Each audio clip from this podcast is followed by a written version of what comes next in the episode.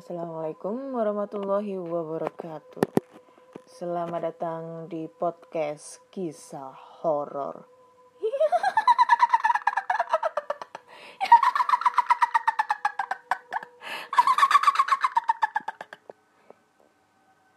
Masih bersama dengan Ana di sini yang akan membacakan cerita horor ataupun email berhantu yang sudah dikirimkan teman-teman melalui podcast kisah horor gmail.com ataupun di DM Instagram podcast kisah horor dan DM Instagram Ana Olive.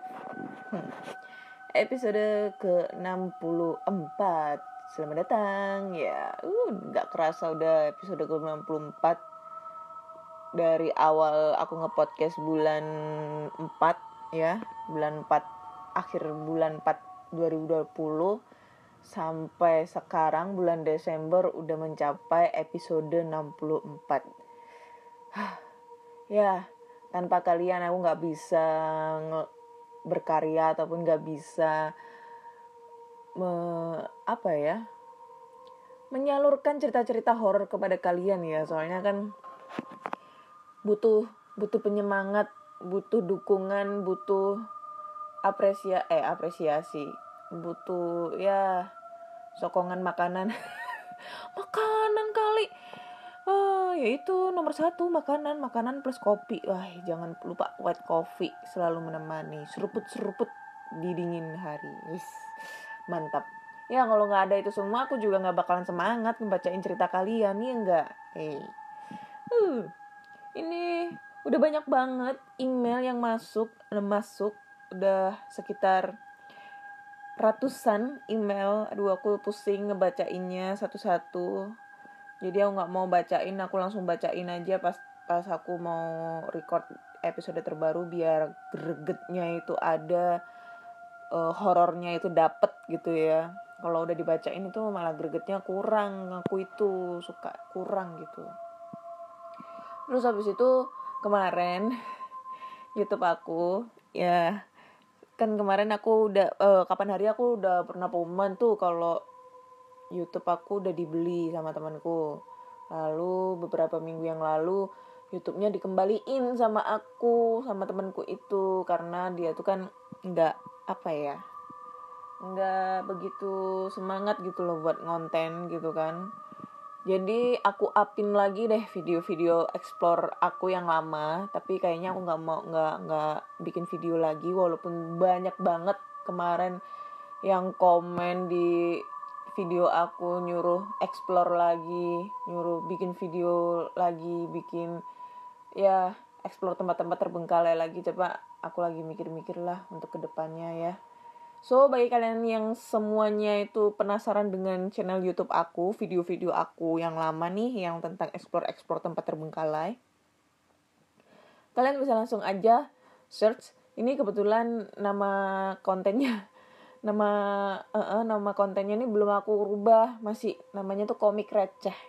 Kalau nggak gitu kalian search aja eh, kata kuncinya Anna Olive. Nah, itu nanti bakal muncul semua video-video aku termasuk komik receh itu. Nanti bisa kalian leh kalian lihat tentang video-video aku explore di tempat-tempat terbengkalai. Tapi ya udah lama sih ya. Tapi ya aku harap kalian terhibur juga sih dengan video-video aku yang lama.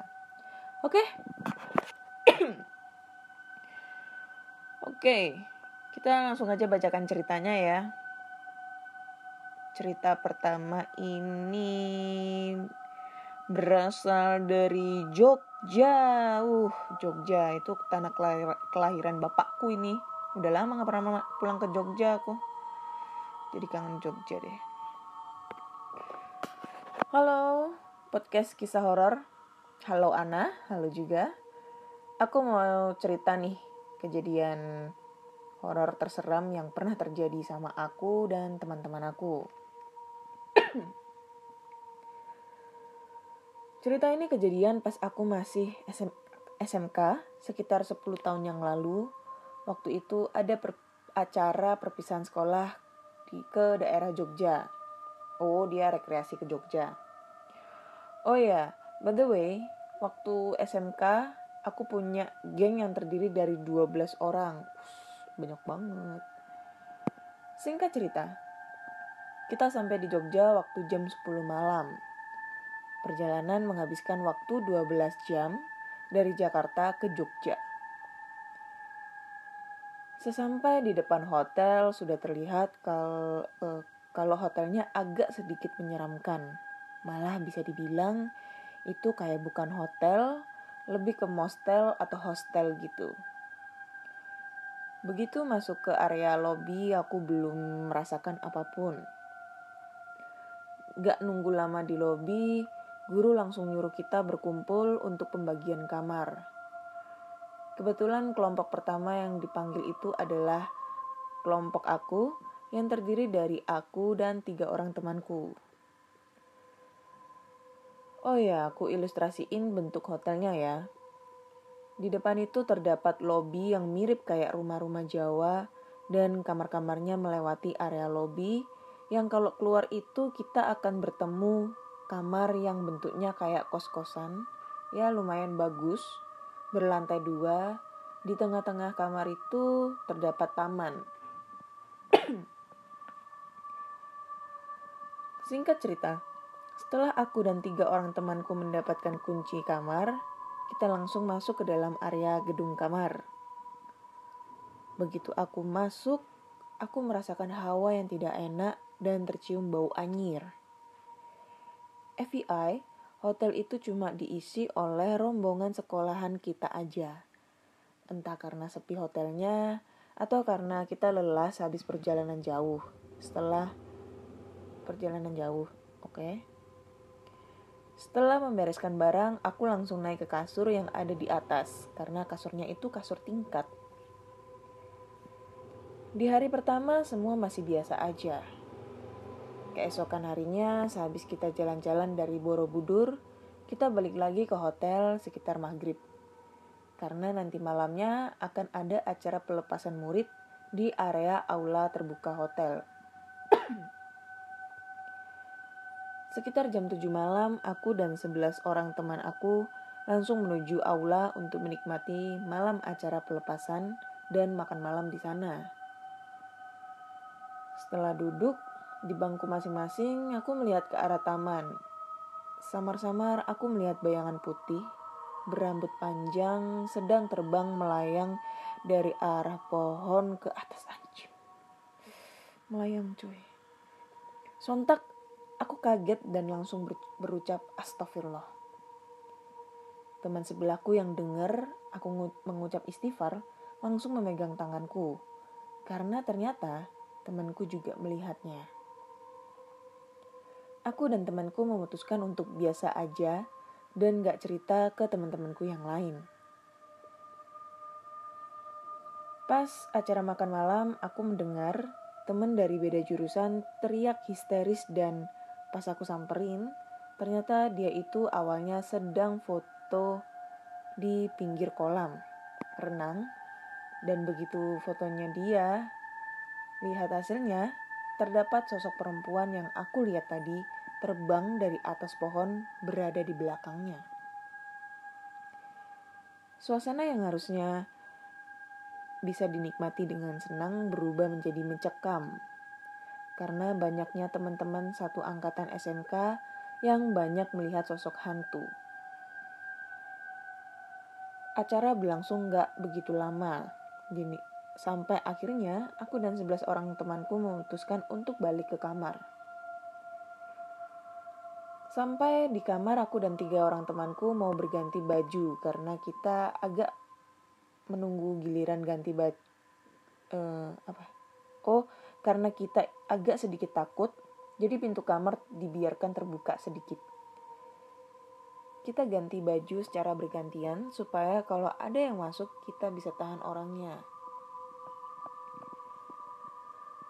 Pas menunggu giliran ganti baju dari sela-sela pintu, aku melihat sosok berdiri dengan mata merah, mukanya hitam seperti hangus dengan ikatan tali di atas kepala. Cing. Yaitu Poci. Dalam hati aku berkata, karena dalam hati aku berkata, karena terkejut, aku langsung menutup pintu tanpa bilang apa-apa dan temanku bertanya, ada apa? Tapi aku tidak hiraukan dan tidak mau cerita karena takut membuat mereka takut. Sekitar jam 11 malam, pintu kamarku diketok-ketok oleh delapan orang temanku yang lain. Mereka juga merasakan gangguan mistis yang membuat mereka takut. Sampai akhirnya, kita memutuskan untuk tidur satu kamar dengan 11 orang temanku yang lain. Semua kasur dipindahin ke lantai supaya muat untuk ditidurin 12 orang. Karena terbayang-bayang kejadian tadi, aku dan empat orang temanku tidak bisa tidur. Sisanya udah pada terlelap semua. Akhirnya kita ngobrol berlima. Aku dan temanku yang satu, kita ngobrol sambil tiduran di bawah jendela. Yang tiga lagi duduk di depan toilet menghadap ke jendela, lagi asik bercerita dan ketawa-ketawa kecil. Tiba-tiba gorden jendela di atasku terbang-terbang seperti ketiup angin. Sangat gak masuk akal. Kalau dipikir secara logika. Karena pintu jendela udah ketutup rapat. Eh, merinding sumpah. Dan di kamar kita itu nggak ada kipas angin. Gorden jendela tertiup sampai terbuka hampir setengah. Akhirnya temanku refleks bangun untuk menutup gorden jendela itu. Belum sampai dia berdiri, temanku yang tiga duduk tadi melihat sosok Poci yang tadi aku lihat di sela-sela pintu. Sontak temanku baru baru ke apa? Sontak temanku baru mau berdiri buru-buru menutup gorden, jendela dan yang dua lagi langsung lari ke kasur. Aku yang kaget melihat mereka bertiga ketakutan langsung ikutan lari juga ke kasur. Kita langsung menutup muka, pakai bantal, dan mencoba untuk tertidur. Keesokan harinya waktunya kita pulang ke Jakarta. Di dalam bus, kita semua menceritakan kejadian horor selama di hotel yang membuat kita harus tidur tumpuk-tumpukan, termasuk kejadian yang baru terjadi semalam. Kita emang sengaja memutuskan menceritakan itu setelah lepas dari hotel. Alasannya supaya gak bikin yang penakut jadi semakin takut. Tapi ternyata kejadian horor belum sampai di situ aja. Sebelum balik ke Jakarta, kita masih ada perjalanan ke dua tempat wisata. Di wisata pertama, kita biasa-biasa aja, karena waktu itu masih siang. Menuju tempat kedua yaitu wisata Goa yang berada di Kebumen. Sampai di sana kita mendekati maghrib. Menurut aku sih agak sedikit gak masuk akal kalau kita masuk ke sana pas maghrib-maghrib. Dan benar aja, begitu kita masuk ke sana, kita sudah disambut orang ketawa perempuan yang sangat melengking, hampir semua rombongan mendengarkan. Sesampai di depan goa, aku agak ragu untuk masuk karena hari udah gelap dan agak ngeri juga untuk masuk ke sana. Sebelum masuk ke goa, tiba-tiba dua orang teman jurusan berbeda kesurupan dan karena aku agak malas lihat yang begituan begituan begitu begituan akhirnya aku mengajak temanku untuk keluar dari tempat itu dan menunggu yang lain di parkiran aja Lumayan lama kita nunggu rombongan sekolah keluar dari wisata goa. Akhirnya tibalah kita semua untuk masuk bis dan setelah kita siap-siap mau berangkat, terdengar suara teriakan dari murid-murid. Ya, mereka kesurupan, kesurupan massal. Lumayan lama membuat mereka sadar dengan dibantu oleh war- warga sekitar. Dan akhirnya kami bisa kembali ke Jakarta. Oke, terima kasih banyak ya sudah mau mencerita membacakan ceritaku. Next time aku bakalan cerita lagi cerita-cerita horor yang banyak terjadi di hidupku. Maaf kalau tulisannya agak berantakan. Hehehe. Thank you Ana dan sukses selalu untuk podcast kisah horornya. Uh, thank you juga buat Desi. Ya, boleh ya ini namanya disebutin buat Mbak Desi untuk ceritanya. Keren ini mah. Ceritanya panjang, memakan waktu seperempat jam lebih. Tapi ah, it's, ini keren banget dan apa ya? Cerita horor waktu wisata itu pasti banyak banget banyak banget untuk eh, kisah-kisah horor itu pada saat kita berwisata apalagi ke tempat yang eh, maksudnya tidak satu wilayah dengan lokasi kita gitu ya. Keren banget. Tapi selama aku di Jogja sih aku belum pernah eh, punya pengalaman horor-horor gitu ya kecuali di rumah budeku karena emang rumahnya itu di pelosok banget dan gelap dan masih banyak sungai-sungai gitu yang mayoritas penduduk di sana itu masih memanfaatkan sungai tersebut untuk mencuci, mandi, beol. beol ya, beol di sana aku zaman kecil tuh suka banget cicak. Cicaknya agak nakutin ya bunyinya. Jadi waktu kecil itu aku suka banget untuk mandi di sungai itu sehari bisa sampai lima kali aku mandi di situ. Karena air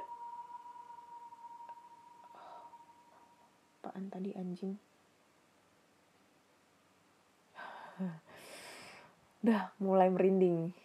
Udah mulai merinding merinding di udah.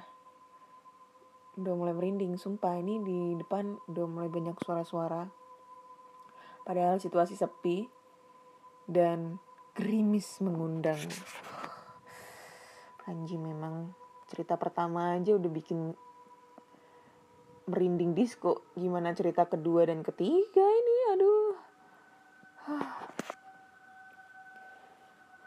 Ya mungkin kalian punya pengalaman cerita tentang berwisata tour gitu ya. Tapi yang paling sering sih untuk kayak tur-tur sekolah yang pengalaman horor dan mistis itu di Bali rata-rata. Aku SMK nggak pernah tur. Orang muridnya cuma berapa? 17 orang. Tapi kalau di SMP itu kita tur di Jo eh di Jogja di Bali di Bali. Tapi selama di Bali nggak ada kejadian-kejadian aneh sih ya kejadian hal-hal aneh juga nggak ada. Ya berjalan dengan lancar yang semestinya. Oke next. Kita lanjut ke cerita kedua. Cerita kedua datang dari Diana Alholis ini. Halo Kak Ana. Namaku Diana sering dipanggil Adin. Di sini aku mau berbagi cerita tentang pengalaman hororku. Aku asli Dayak Kalteng. Us. Dayak Dayak coy Kalimantan. Ih, aku paling seneng kalau cerita horor itu berasal dari luar pulau ya. Apalagi ini Dayak. Dayak itu uh kental banget ya. Apa ya ibaratnya? Orang-orangnya di sana itu ya pokoknya gitulah. Nggak bisa diungkapkan dengan kata-kata kalau orang Dayak itu mah. Oke lanjut. Tapi ayahku orang Jatim Probolinggo. Berhubung akunya disuruh ayah pindah sekolah di Probolinggo so oke okay lah pindah. To the point aja Setelah sampainya di rumah Probolinggo, aku disambut kakek dan keluarga lainnya. Tapi yang tinggal di rumah cuman aku sama kakek aja, karena nenek sudah meninggal. Kalau keluarga lain banyak ya, tapi agak lumayan jauh sih dari rumah kakek. Setelah beberapa hari di Probolinggo, aku nggak ngerasa apa-apa. Nah, setelah satu minggu, aku merasa ada yang ganjal aja gitu. Tepatnya malam Jumat. Aku sendirian di rumah. Soalnya kakek pergi tahlilan. Awalnya aku biasa-biasa aja. Nggak lama kakek berangkat, akunya ke teras halaman belakang. Ya aku nyari angin lah tepatnya. Jam 8 malam. Gak lama bulu kuduku merinding. Ya, bulu kuduku juga ikutan merinding anjim dari tadi. Kayak ada yang ngeliatin aku terus. Eh, tahu-taunya di depan aku ada sosok perempuan pak pakaian putih rambut panjang. Sekitar 3 meter lah jarak dari ter jarak dari teras. Ya aku sih mau lari, tapi aku bawa santai aja. Entah kenapa nggak ada rasa takut. Keesokan harinya aku jatuh sakit tiga hari. Ya aku biasa aja, nggak pengaruh, nggak pengaruh sama kejadian tadi malam. Setelah kejadian itu, se- sembuhnya sakit, aku tiduran di sofa di depan kamar. Di mana di depan kamar ada cermin gede sebesar badan yang ngadep kamar. Akunya lagi denger musik. Lalu, wush, bayangan putih muncul. Dia lewat dari dalam kamar. Aku awalnya diem, mungkin salah lihat kali ya. Masalahnya, sosok bayangan putih itu terlihat di cermin. Ternyata bayangannya muncul lagi. Kok aneh? Saking takutnya, aku malah lari ke dalam kamar yang ada bayangan putih. Uh. Gak lama aku tenang. Volume musik aku fullin. Tepat di sampingku ada jendela. Dan gak lama ada yang gedor-gedor jendela itu. Aku kira sepupu aku yang iseng.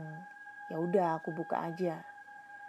Pas aku buka, kok halaman belakang gak nggak kelihatan ya dalam hati.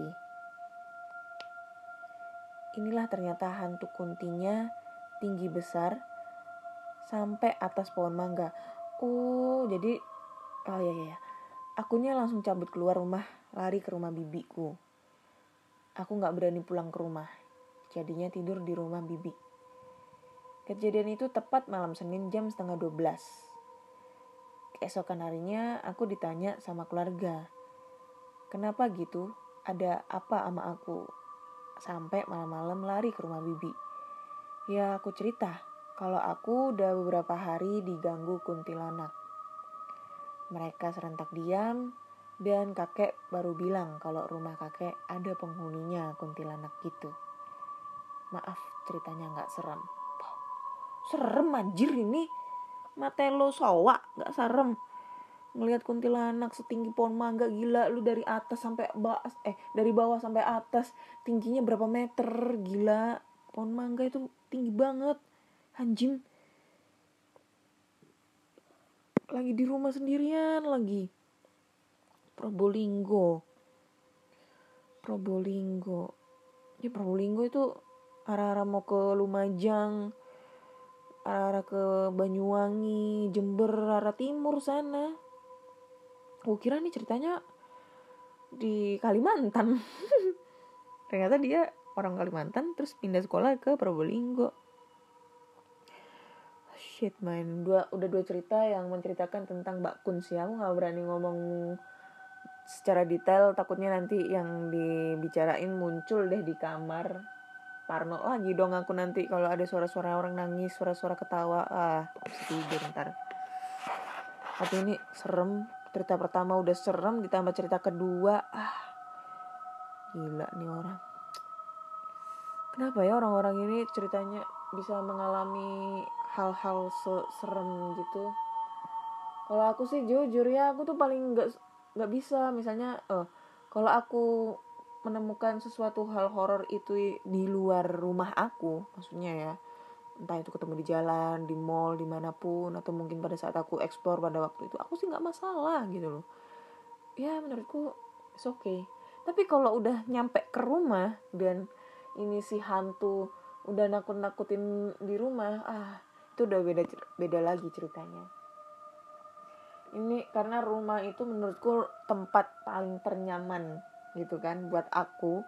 Dan tiba-tiba ada sosok yang tidak diundang itu datang ke rumah dan mengganggu kita. Uh bisa kebayang nggak gimana parnonya kita gitu ya buat ngehadapin itu semua. Anjim lah aku udah kemarin itu udah selama dua minggu diganggu terus dan aduh membuat aku tuh susah untuk tidur. Mau tid dipaksain tidur juga susah. Tapi kalau nggak tidur diganggu. Maksudnya kedengeran terus itu suara-suara kayak gitu. Mantap ini ceritanya. Udah dua cerita mantap mantap ini. Oke next kita lanjut ke cerita cur akhir di episode 64 cerita terakhir datang dari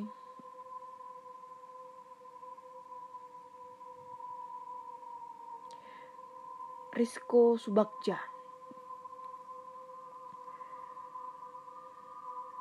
Assalamualaikum warahmatullahi wabarakatuh. Waalaikumsalam warahmatullahi wabarakatuh. Gua Rizko. Gua tinggal di Ciawi, Bogor.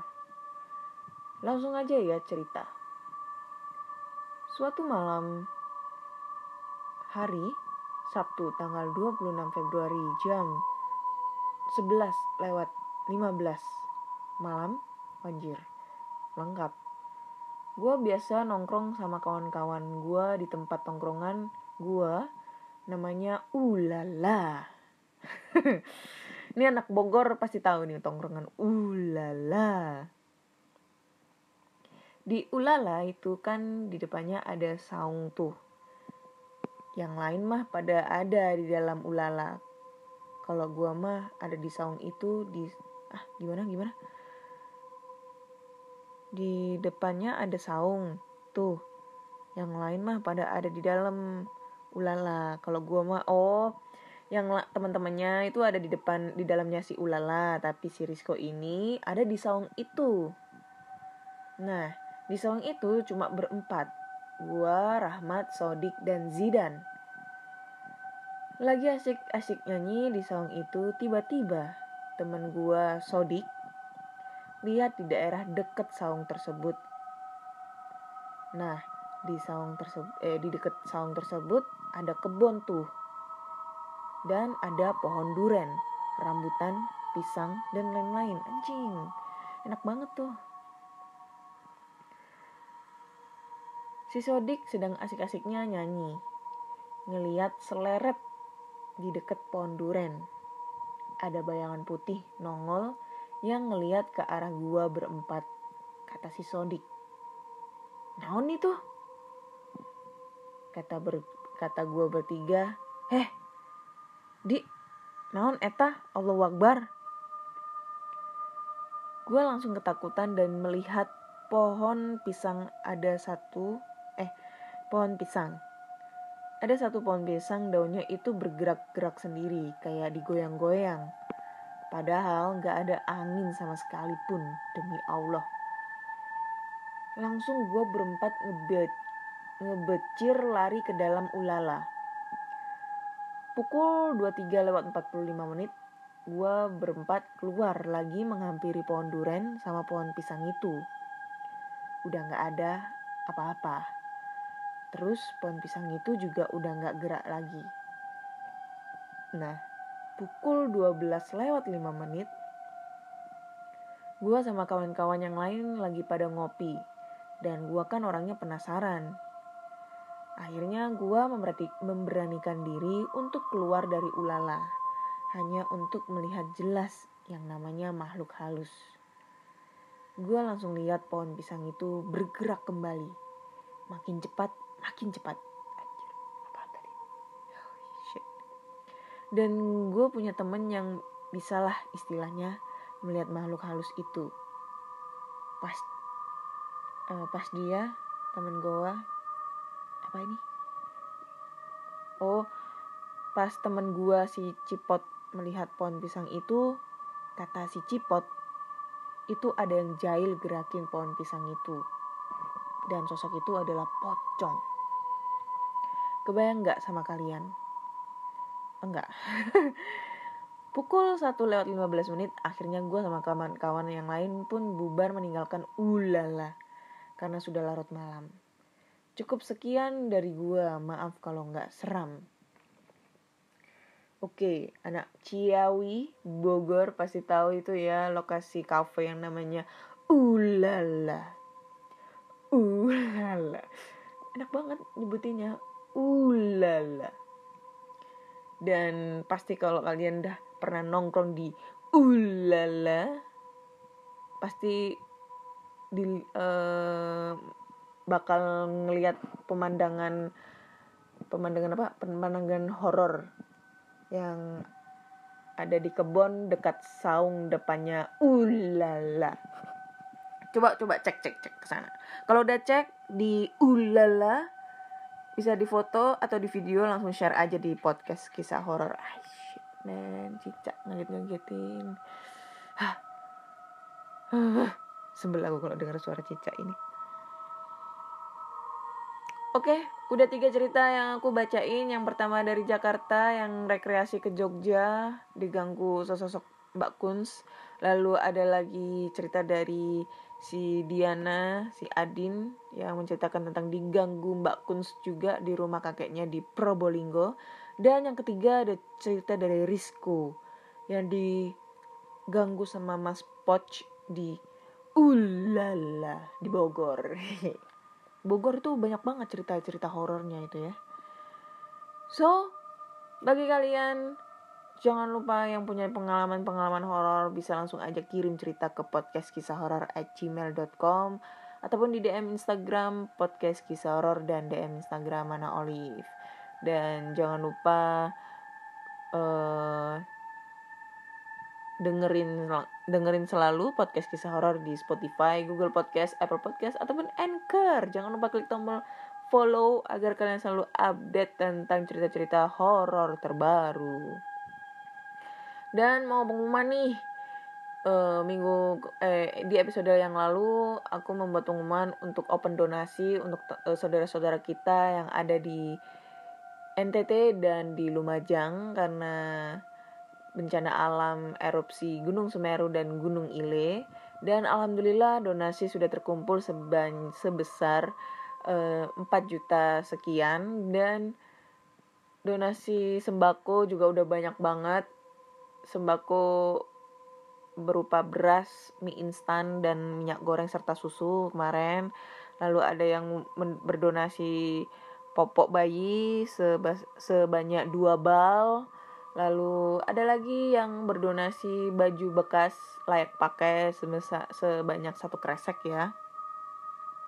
Dan open dan open donasi ini masih aku buka ya sampai tanggal 11 Desember 2020 dan insya Allah tanggal 13 Desember donasi akan segera dikirim ke masing-masing lokasi.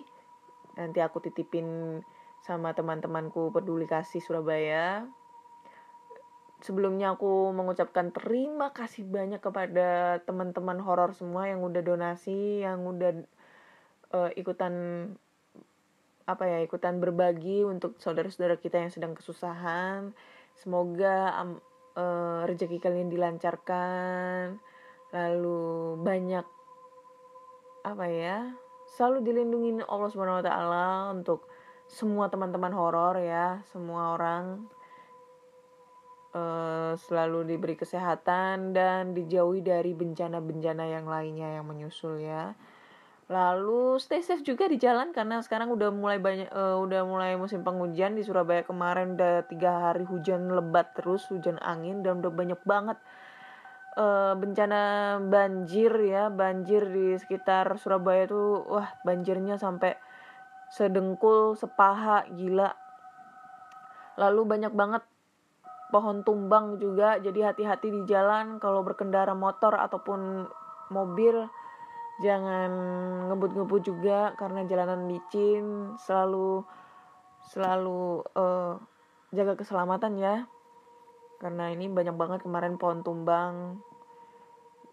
Besok udah hari Senin udah waktunya kita kerja. Jadi jaga kesehatannya istirahat yang cukup. Karena ini masih covid masih pandemi. Jangan sampai kita menjadi korban berikutnya dan kita usahakan untuk memutuskan apa ini memutuskan virus agar tidak terjangkit banyak eh, agar tidak terjangkit banyak agar covid tidak menyebar ke mana-mana. Oke? Terima kasih sudah mendengarkan podcast kisah horor di episode 64 nantikan cerita-cerita horor di episode berikutnya episode 65 dan saya Ana mohon pamit dan undur diri